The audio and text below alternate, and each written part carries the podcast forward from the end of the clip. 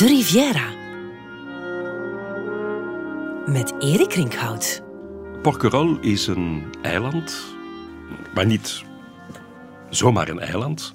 Het is een Belgisch eiland, of het was in elk geval een Belgisch eiland. Porquerolles ligt uh, voor de kust van de, de Côte d'Azur, uh, voor de kust van Hier eigenlijk. Um, een boottochtje van 20 minuten, een half uurtje breng je daar naartoe. Nog altijd, vandaag de dag. Het is ook een plek die uh, populair is om overdag naartoe te gaan, om te gaan wandelen op het mooie en toch nog altijd wat idyllische eiland Porquerolles. Maar het heeft een merkwaardige geschiedenis en het is eigendom geweest van een Belgische man die op zich ook een zeer merkwaardige geschiedenis heeft. Een, uh, bijna leven als avonturenroman. Ik heb het over François-Joseph Fournier. En elk jaar, op 13 april, komen de oudste bewoners van het eiland van Porquerolles nog altijd samen om bloemen neer te leggen op zijn graf. Het graf van François-Joseph Fournier. Die man was van 1912 tot 1935 de privé-eigenaar van Porquerolles en heeft van dat eiland een klein paradijsje gemaakt. Want toen hij het kocht, ja, hij heeft dat eiland gekocht, was het een woestenij, verwoest door bosbranden. Ik zei dat het een avonturenroman was, zijn leven. En het is ook een uh, voorbeeld dat we bijna met Amerika, met de American Dream associëren. From rags to riches. Hij komt uit een uh, zeer eenvoudig arm milieu en wordt een zeer rijke man. Dus François-Joseph Fournier wordt geboren in 1857 in Clabec, in Waals-Brabant. Hij is de zoon van binnenschippers die op het kanaal van Brussel-Charleroi varen. En hij wordt op een kanaalboot geboren. Zoals wel vaker gebeurt, de vader koestert zeer grote ambities voor zijn zoon en de vader werkt zich eigenlijk te pletter om zijn zoon een goede opvoeding te kunnen geven. Dat doodwerken is letterlijk te nemen in dit geval, want tijdens laat- en loswerk op de binnenvaart sterft hij, stuikt in elkaar op een ponton in Lier en sterft. De vader van meneer Fournier, van François-Joseph Fournier. François-Joseph is op dat ogenblik 16 jaar en moet plotseling kostwinner voor dat gezin worden. Hij uh, vindt een baan bij de spoorwegen als hulpje van een bestuurder, van een machinist, maar heeft een grote fascinatie met alles wat met technologie en mechanica te maken heeft. En een oud leraar van hem raadt hem aan om naar Parijs te gaan waar hij zich kan inschrijven aan het Conservatoire National des Arts et Métiers. Maar weer een pikant detail van het verhaal is dat hij naar Parijs trekt op zijn negentiende te voet. Met een koffertje met wat kleren, boeken en gereedschap in de hand. Hij heeft niet genoeg geld om op een andere manier naar Parijs te gaan, om de trein te betalen bijvoorbeeld. Aan dat conservatoire leert hij ingenieur en uitvinder Louis Bourdon kennen. En Bourdon is onder andere de uitvinder van de manometer. Dat is dat kleine toestelletje om druk te meten, uh, gassen en vloeistoffen. Wordt nog steeds gebruikt vandaag. En het is Bourdon die hem, nadat hij een diploma heeft, nadat uh, François-Joseph een diploma heeft, Bourdon biedt hem een baan aan in zijn eigen fabriek om daar onderzoek te doen naar druk en drukcircuits in stoommachines. En dan is er ook weer een tragisch aspect van dat merkwaardige verhaal. Als in 1882 de moeder van Jean-François Fournier overlijdt en hij gaat daar naartoe, dan vindt hij een huis in grootste ellende nog altijd. En hij vindt een pak postwissels die hij plichtsgetrouw naar zijn moeder had opgestuurd. Maar zijn moeder heeft nooit geweten wat ze met een postwissel aan moet. En die postwissels liggen dus gewoon opgestapeld thuis. En zijn moeder is in grote armoede blijven leven.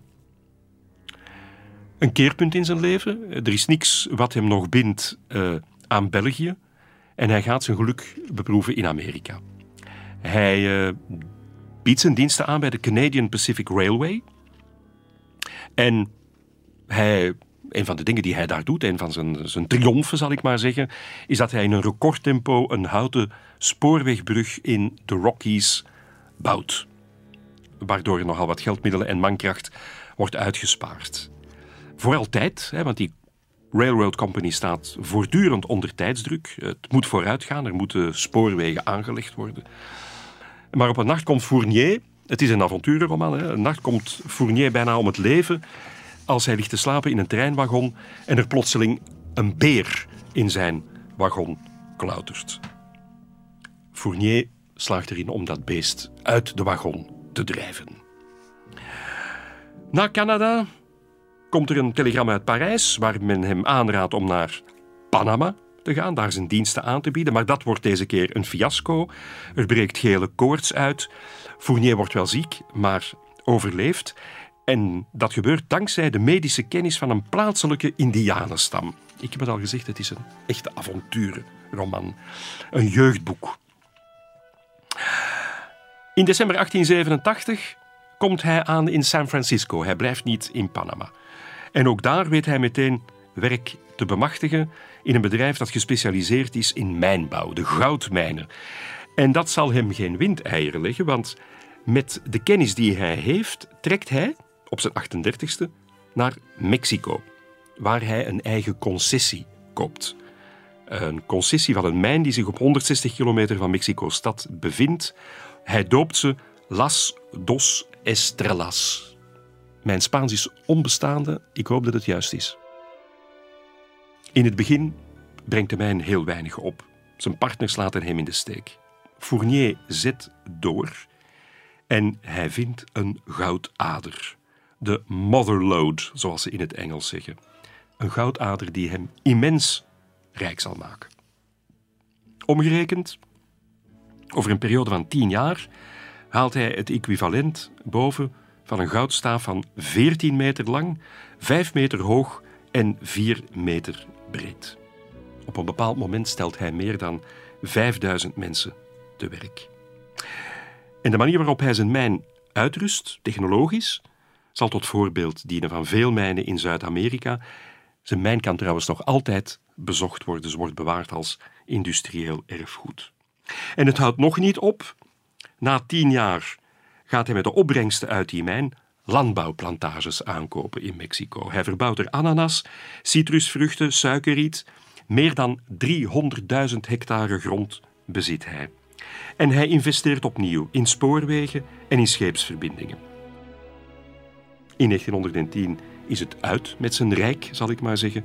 Het is het jaar van de Mexicaanse revolutie en hij kan niet anders doen dan het land ontvluchten. Hij arriveert terug in Frankrijk hij is 53 en nog steeds kinderloos, wat hem enigszins bekommert. Een arts uit Nice, die Fournier behandelt, stelt hem aan zijn zuster voor, Sylvia. En het is een dame met een nogal vurig karakter, waar Fournier tot over zijn oren verliefd op wordt. Ze treden in het huwelijk. Het is niet alleen een zeer vruchtbaar huwelijk, want er zullen zeven kinderen nog uit voortspruiten. Maar het merkwaardige is natuurlijk dat het huwelijksgeschenk dat hij aan haar geeft, aan die kersverse echtgenote, het eiland Porquerolles is. En nu zijn we waar we moeten zijn, in Porquerolles. Bosbranden hebben het eiland bijna helemaal in de as gelegd, maar Fournier en zijn echtgenote zijn gecharmeerd door het dorpsplein, door de eucalyptusbomen. Het doet allemaal heel erg aan Mexico denken. En de droom die Fournier voor ogen heeft, is om van Porquerolles een mini-Mexico te maken. Hij laat het eiland herbossen, hij laat wegen aanleggen, citrusplantages, wijngaarden. En de wijn die opgeleverd wordt, is de, een van de eerste die tot de Côte de Provence werd geclasseerd. Er wordt een coöperatieve opgericht. Hij bouwt een smederij, een timmerwerkplaats, een hospitaaltje, een school voor kinderen. En uiteindelijk zal Fournier meer dan twintig jaar op het eiland blijven wonen tot aan zijn dood in 1935.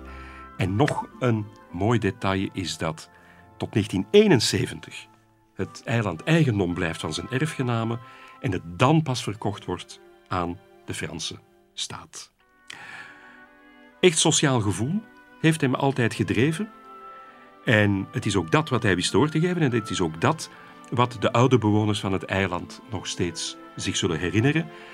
En daarom leggen ze die bloemen neer bij dat graf. En op dat graf is trouwens een bekken geplaatst waarin staat Souvenir des habitants de Porquerolles.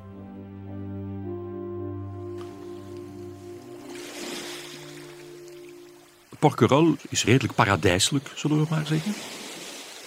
Op het kerkhofje van Porquerolles ligt Régine Ranchon begraven. Dat zal u meteen niet iets zeggen of misschien niet direct een belletje doen rinkelen. Haar roepnaam was Tiggy. En de naam van de man met wie ze van 1923 tot 1949 getrouwd is geweest, zal u helemaal bekend in de oren klinken. Dat was namelijk Georges Simenon. Zijn vrouw, Régine Ranchon, Tiggy dus, is in 1985 op het eiland gestorven. Ze is daar dus begraven. Maar de geschiedenis van meneer en mevrouw Simenon en Porquerolles gaat veel verder terug. Het is mei 1926 dat Tiggy en Georges Simenon voor het eerst voet aan wal in Porquerolles zetten. Ze zijn op zoek naar rust. Het hectische leven in Parijs is haast niet meer vol te houden. Het zijn dan ook les années folles. De jaren van de jazz, Josephine Baker, La Coupole, het nachtleven in de kroegen van Montparnasse. Het leven van de Simenons is opwindend, maar ook slopend voor hun gezondheid. Op dat moment is Georges Simenon 23. Hij is een jonge journalist, schrijver, die probeert van zijn pen te leven, maar vooralsnog heel veel moeite heeft om de eindjes aan elkaar te knopen. Tiggy daarentegen, drie jaar ouder, tracht de kosten verdienen als kunstenares en is eigenlijk veel succesrijker. Zij verkoopt af en toe wel schilderijen. Ze schildert abstract werk, ook portretten en stillevens. En op een dag ziet Tiggy wat te bladeren in de Larousse-encyclopedie wanneer haar oog valt op een verleidelijke beschrijving van het eiland Porquerolles. Het lijkt haar een ideale plek voor haar en haar man. Ze kunnen er tot rust komen en ze hebben geluk. Want niet veel later is er een verzamelaar die een groot werk van Tiggy koopt. En dat levert voldoende geld op om de reis te bekostigen. Die reis naar Porquerolles zal een grote impact hebben op het leven van de Simenons. Zon, licht, natuur, stranden, het is liefde op het eerste gezicht. De pracht van het eiland zal Simenon later in een aantal werken, een aantal van zijn verhalen en romans, verwerken. En misschien wel nog het meest in Mon ami Maigret, waarin de beroemde politieinspecteur een moord gaat onderzoeken die plaats heeft gevonden op het eiland, op Porquerolles. Het was ook de uitdrukkelijke bedoeling van Simenon om deze roman te schrijven als een soort lange postkaart uit Porquerolles.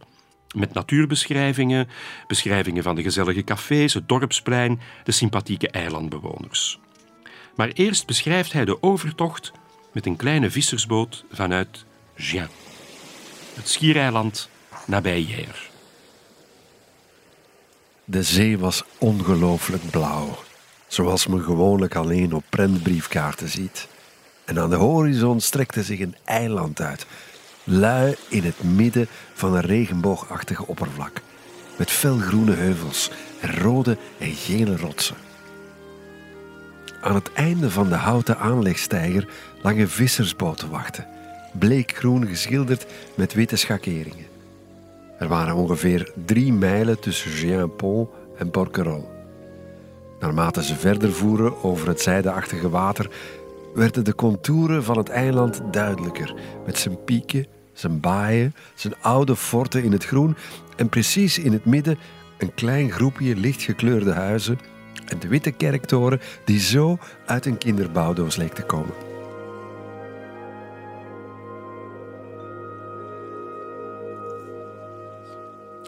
Aanvankelijk nemen ze een kamer in het Café de la Poste. Vervolgens vinden ze een afgelegen huisje op Le Grand Langoustier, een mini-schiereilandje van Porquerolles. Het is een heel klein huisje met maar twee kamers, maar ze brengen hun tijd toch voornamelijk buiten door, op het strand, zonnebadend, zwemmend. Het leven bevalt hen uitstekend en ze zullen er dan ook vijf maanden blijven. Porquerolles betovert hen compleet. De Simenons gaan er dus nog vaak naartoe. En vanaf de jaren 30 wordt het zelfs een soort toevluchtsoord. Een plek waar ze kunnen herbronnen na periodes van grote onrust. En ergens schrijft hij dat de behoefte om naar het zuiden te trekken ineens kan komen opzetten. Een warm briesje of de geur van eucalyptus of rozemarijn kan al voldoende zijn. In die periode heeft hij ook geluk. Er wordt een contract afgesloten, zijn eerste groot contract met uitgeverij Gallimard in 1933. En twee jaar later kunnen ze een huis kopen, de Villa Tamaris, vlakbij het haventje op Porquerolles.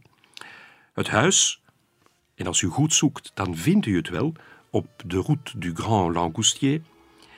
Dat huis heeft een soort toren met een mooi uitzicht, een ideale werkplek.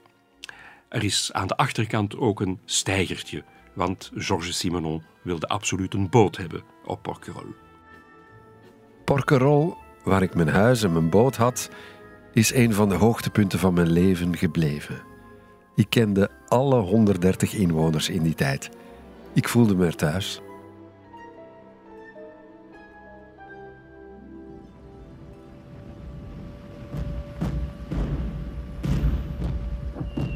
Maar er komt een einde aan die zalige tijd, aan die paradijselijke tijd op Porquerolles, wanneer de Tweede Wereldoorlog uitbreekt. Net op tijd weet Simenon zijn persoonlijke bezittingen in veiligheid te brengen. In 1944 moet het hele eiland zelfs op bevel van de Duitsers ontruimd worden. Behalve een kort bezoekje in 1955 zou Simenon na de oorlog nooit meer naar het eiland terugkeren. Daar zat natuurlijk zijn scheiding met Tiggy voor iets tussen. Vier jaar na de oorlog gaan ze uit elkaar. Tiggy zou daarentegen wel nog vaak naar Porquerolles blijven komen. Net als haar zoon Marc Simenon. regisseur die in 1999 overleed en ook op het eiland begraven is naast zijn moeder. Voor Georges was het afgelopen. Hij had angst om terug te keren, de angst om Porquerolles helemaal anders aan te treffen dan hij het had achtergelaten. Hij vermoedde dat de betovering verbroken zou zijn. En voor hem moest Porquerolles een mooie herinnering blijven. Men heeft mij verteld dat het eiland sinds de oorlog zo veranderd is dat ik niet meer terug durf te gaan. Porquerolles werd dus voor Simenon een droomeiland. Een eiland dat hij bleef koesteren en dat nog regelmatig zou opduiken in zijn romans en autobiografische geschriften. Bijvoorbeeld in Mon ami Maigret, gepubliceerd in 1949, maar ook in zijn korte psychologische roman Le Cercle des Mahé. Al op de eerste bladzijde van dat boek maak je als lezer kennis met onze held. Dat is de goede dokter François Mahé, die in een bootje vis probeert te vangen in het gezelschap van een van de plaatselijke bewoners. Dat doet wel een belletje rinkelen natuurlijk. Daar zullen wel autobiografische gegevens mee aan de basis liggen. Het is de eerste keer dat Mahé zijn gezin naar het eiland Porquerolles brengt. En aanvankelijk lijkt dat een slechte beslissing te zijn geweest. Want zowel hij als zijn gezin hebben moeite om zich aan te passen aan de zuidelijke manier van leven. Het was erg warm. De huid die aan de zon werd blootgesteld zou bakken en tegen de volgende ochtend steenrood zijn geworden. Dat had hij de vorige dag al meegemaakt. Hij was gaan wandelen met zijn hemdsmouwen opgerold. Nu leken zijn armen tot aan de ellebogen op rauw vlees, terwijl de huid daarboven bleek en ongezond scheen. Zijn vrouw had het niet aangedurfd hem te plagen toen hij terugkwam van de coöperatieve winkel met een strooien hoed in de vorm van een helm, zoals hij die door de plaatselijke bevolking had zien dragen. Ze had gewoon gezegd met haar provinciale accent: Je hebt een hoed gekocht, dus. Het enige waar hij nu aan kon denken toen was zijn hoofdpijn. Hij rookte, wat verkeerd was, want het maakte hem dorstig. En de plaatselijke wijn die ze hadden meegebracht was in de boot warm geworden en maakte hem misselijk. Hij begon zich ook te ergeren aan de zee zelf, die volkomen kalme, blauwe zee. Dr. Mahé kan in Porquerolles duidelijk niet aarden. Het zuidelijke leven is hem te levendig, te chaotisch. Het maakt hem en ook zijn vrouw ziek. Maar als hij eenmaal terug is gekeerd in zijn comfortabele burgerlijke bestaan, merkt de dokter dat hij dat ongestructureerde, chaotische leven van het zuiden toch wel mist. En langzamerhand begint hij zijn dagelijks leven te verafschuwen. Hij vindt zichzelf te dik, te vol van het vulgaire leven, met een vrouw en twee kinderen en een bestaan dat helemaal is uitgestippeld, een vast schema voor elke dag van de week. En op zijn 35ste begint Mahé zijn wereld langzaam te beschouwen als een samenzwering. Een samenzwering tegen hem. Een identiteit die om hem heen is gebouwd zonder zijn toestemming. Een verstikkende cirkel die hem belet zijn eigen leven te leiden. Maar zoals veel andere brave huisvaders met een vaste carrière en een comfortabele levensstijl, houdt hij zijn wrok en ontevredenheid voor zichzelf. Maar het is onvermijdelijk dat tegen de tijd dat de vakantie weer aanbreekt, dokter Mahé staat op Popelen om de auto te pakken en weer naar het zuiden te gaan. Het is een gevoel dat voor velen zeer herkenbaar moet zijn. De aantrekkingskracht van het zuiden op ons, mensen van het noorden, is meer dan alleen maar een verlangen naar zee en zon. Het moet ook een diepere psychologische kern hebben. Zoals Simenon zelf het ooit formuleerde: Il y a deux hommes en moi. Un homme du Nord, féru d'ordre et de discipline, et un homme du Sud, couché dans son hamac. Er zijn twee mannen in mij. Een man uit het noorden, gebrand op orde en discipline, en een man uit het zuiden, liggend in zijn hangmat.